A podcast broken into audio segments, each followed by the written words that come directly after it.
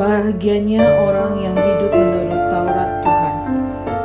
Berbahagialah orang-orang yang hidupnya tidak bercela, yang hidup menurut Taurat Tuhan.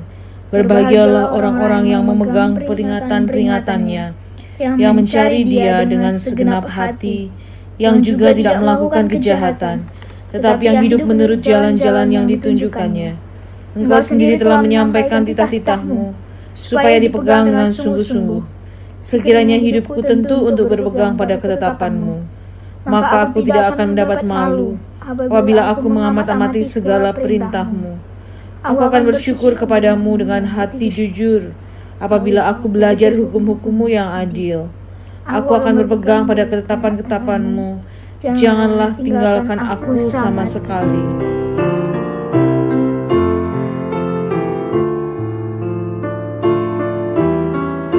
Kita tiba sekarang dalam Mazmur 119.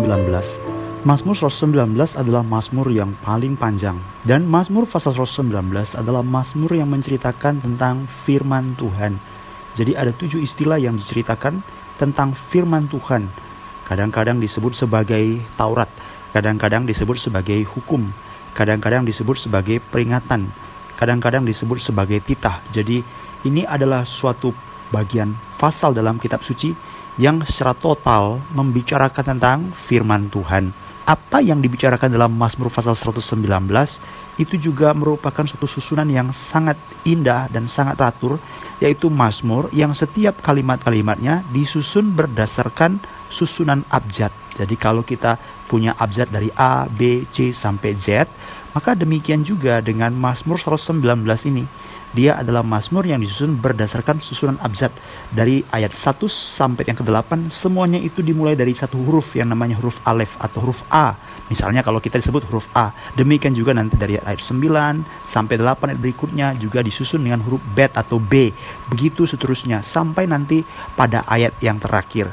Jadi dalam Mazmur ini kita akan memulai untuk membicarakan bagian per abjad per abjad atau bagian kelompok untuk melihat bagaimanakah firman Allah itu memiliki suatu peran dan hal-hal yang sangat istimewa bagi kehidupan orang percaya. Mazmur pasal 119 ayat yang pertama sampai yang ke-8 itu dimulai dengan tiga ucapan bahagia. Jadi sama seperti kitab Mazmur pasal 1 itu dimulai dengan berbahagia, Berbahagialah orang yang merenungkan Taurat Tuhan siang dan malam. Maka Mazmur 119 ayat 1 juga dimulai dengan tiga bahagia. Bahagia apa itu?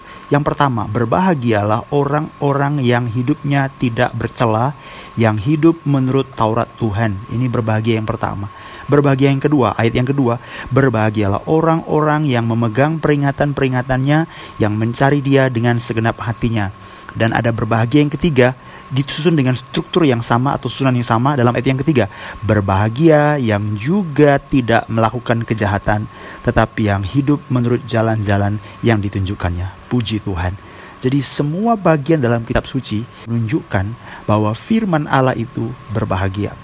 Siapa yang membicarakannya? Mazmur 119. Karena Mazmur 119 secara total itu secara spesial itu membicarakan tentang firman Allah.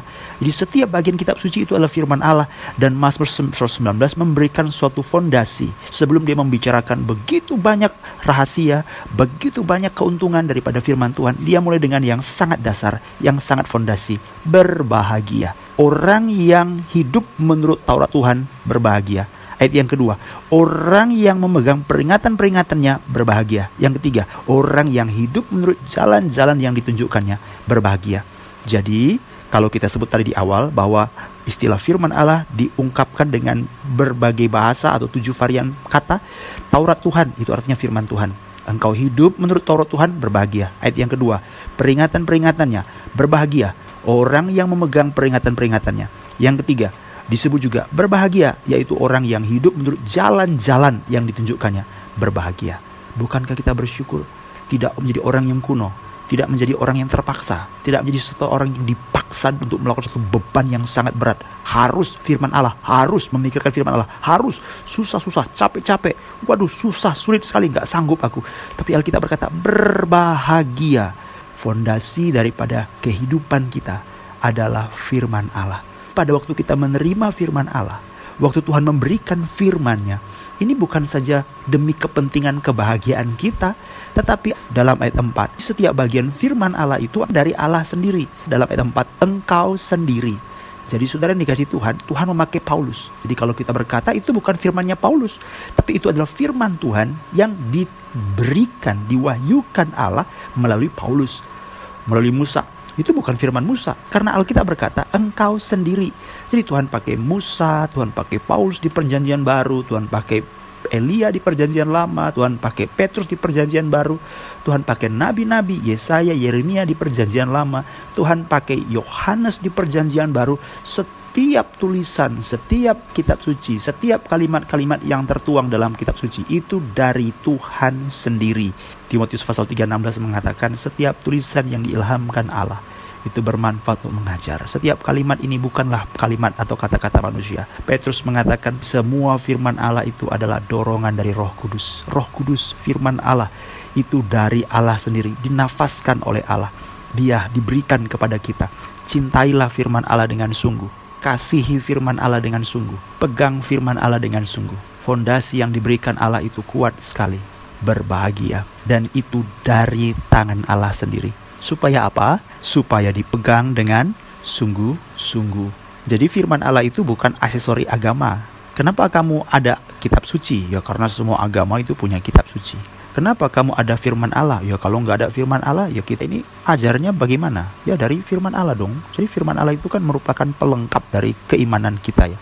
Bukan, salah, keliru. Firman Allah itu bukanlah aksesori agama, Firman Allah bukan pelengkap, firman Allah bukan suplemen atau tambahan, firman Allah bukan pilihan, firman Allah bukan optional, firman Allah bukan boleh dilakukan, boleh tidak dilakukan, tidak. Firman Allah itu adalah kewajiban untuk dikerjakan. Yang menggerakkan seluruh kehidupan kita itu adalah firman Allah. Jadi saudara yang dikasih Tuhan, ini adalah konsep dari orang-orang atau sebenarnya ini dari kalangan kita juga terjadi, yaitu menempatkan firman Allah itu sebagai suplemen atau sampingan apa maksudnya suplemen atau sampingan? Boleh digunakan atau boleh juga tidak apabila ada wahyu lain di luar Alkitab. Karena orang-orang seperti kita ini, Pantekosta Karismatik itu percaya Tuhan memberikan wahyu lain di luar Alkitab. Itu sebabnya berdoa, lalu tiba-tiba ada penglihatan, lalu penglihatan dikasih tahu. Lalu tiba-tiba ada nubuatan, lalu nubuatan dikasih tahu ya. Ya, kan? ini semua kan adalah bagian-bagian kitab suci yang disalah mengerti, yang disalah mengerti. Salah mengertinya kenapa? Ya mereka dalam kitab suci ada istilah nubuatan sih. Dalam kitab suci ada penglihatan sih. Tapi pertanyaannya, apakah hari-hari ini ada penglihatan atau nubuatan?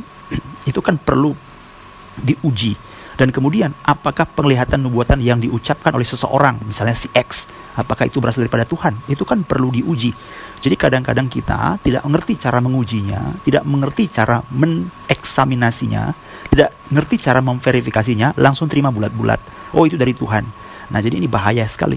Jadi kelompok-kelompok yang saya sebutkan tadi itu sebenarnya ini adalah kritik bagi kita sendiri. Kita mohon pengampunan Tuhan bahwa kita sering kali mengesampingkan firman Allah sehingga kita juga menerima ada hal-hal yang baru yang otoritas yang sama seperti firman Allah. Jadi sudah tutup saja Alkitab. Nanti Tuhan akan kasih nubuatan dan akan kasih penglihatan-penglihatan. Lalu nubuatan muncul, penglihatan datang, lalu kita pegang itu, nubuatannya itu, penglihatan itu kita pegang, kita tutup firman Allah. Ini bahaya sekali. Alkitab mengatakan dalam Mazmur 19 ayat yang keempat, supaya dipegang dengan sungguh-sungguh. Jadi, tidak ada alasan sebenarnya bagi kita untuk menutup kitab suci atau untuk menjalankan agama kita atau iman kita berdasarkan di luar kitab suci. Saya menjalankan iman berdasarkan apa? Berdasarkan nubuatan yang kemarin datang. Berdasarkan apa? Berdasarkan penglihatan yang kemarin aku lihat, aku terima. Berdasarkan nubuatan apa yang ngomongkan kemarin dalam hari Minggu tuh waktu kami kebaktian loh, ada penglihatan loh, ada nubuatan loh. Waduh, ini bahaya sekali saudara.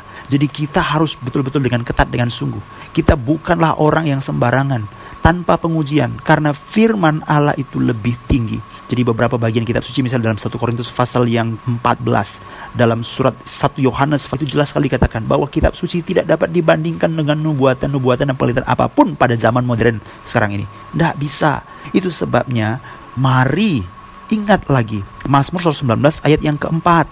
Engkau sendiri Tuhan sendiri telah menyampaikan titah-titahmu firman Allah supaya dipegang dengan sungguh-sungguh.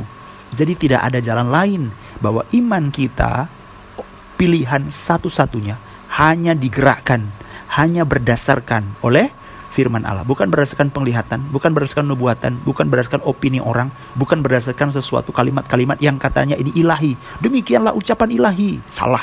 Itu bukan yang menjadi nadi iman kita. Itu bukan penggerak iman kita. Tetapi firman Allah engkau sendiri telah menyampaikan tita-titamu supaya dipegang dengan sungguh-sungguh. Bagian kalimat ini adalah bagian kalimat yang diulang atau disebutkan sebenarnya lebih awal beberapa kali dalam beberapa bagian kitab suci. Ulangan pasal 6 ayat 17. Untuk be sure, pastikan memegang perintah Tuhan Allahmu dan semua titah yang telah diberikan kepadamu Ulangan pasal 6 ayat yang ke-17. Dan bagian lain kitab suci, kalau misalnya kita membaca, misalnya dalam kitab Imamat, pasal yang ke-19 ayat 37.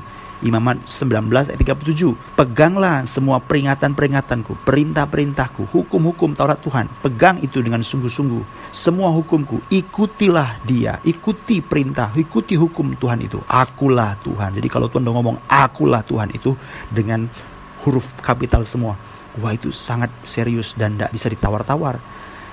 Imamat pasal 19 ayat 37. Jadi saudara dikasih Tuhan kembali lagi supaya dipegang dengan sungguh-sungguh. Ayat yang kelima, hidupku ini tujuan untuk berpegang pada ketetapan maka ayat 6 aku tidak akan mendapat malu. Saudara yang dikasih Tuhan, waktu kita membaca Mazmur 119, ingat bahwa firman Allah memegang peranan yang sangat total dari kehidupan kita dasarnya, fondasinya. Terus seluruh kehidupan kita berbahagia, pegang karena itu dari Tuhan sendiri. Bagian akhir daripada renungan pagi hari ini, saya mengajak kita untuk melihat bahwa firman Allah bukan hanya sebagai pemberi, firman Allah bukan hanya sebagai sumber daripada kebahagiaan, tetapi firman Allah itu adalah yang menggerakkan kebahagiaan itu. Jadi kalau kita baca dalam Mazmur 19 ayat 1, berbahagialah orang yang hidupnya tidak bercela. Oh, yang kedua, yang memegang peringatan-peringatannya. Ayat yang ke-1 sampai ayat yang ke-8, kenapa kamu dapat hidupnya tidak bercela? Kenapa kamu dapat memegang peringatan-peringatannya? Kenapa kamu dapat Alkitab tidak hanya menceritakan sebagai seorang pemberi, tapi firman Allah itu adalah sebagai penggerak dalam ayat yang ke-6, ayat 7, 8. Kenapa kamu dapat mengamat-amati segala perintah? Kenapa kamu dapat bersyukur dengan hati jujur? Lalu ayat 8. Kenapa kamu dapat berpegang pada ketetapan? Kenapa kamu dapat mengamat-amati firman? Oh, apakah karena kekuatanku? Tidak. Kamu sanggup mengamat-amati firman itu karena kekuatan daripada Allah. Ayat yang ketujuh, pertanyaannya kenapa kamu bisa punya hati yang jujur? Waktu kita menerima firman Allah dalam ayat 1 sampai yang ke-8 ini, kita punya kemampuan mengamat-amati itu bukan karena kita.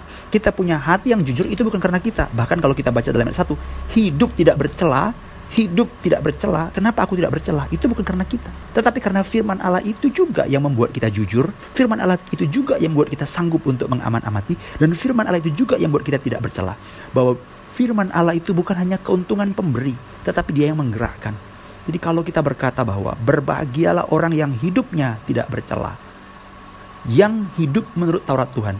Jadi Alkitab mengatakan firman Allah mengerjakan sebagai fondasi dasar, tetapi dia juga yang mulai di diri kita sendiri. Yohanes pasal 15 ayat yang ketiga, kamu bersih. Kenapa kamu bersih? Karena firman Allah.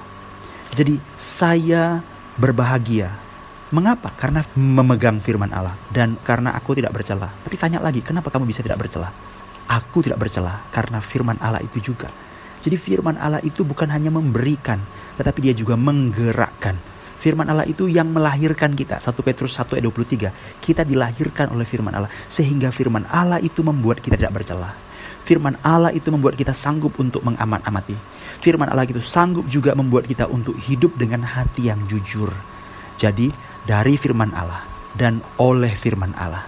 Untuk siapa? Untuk kita kita sanggup.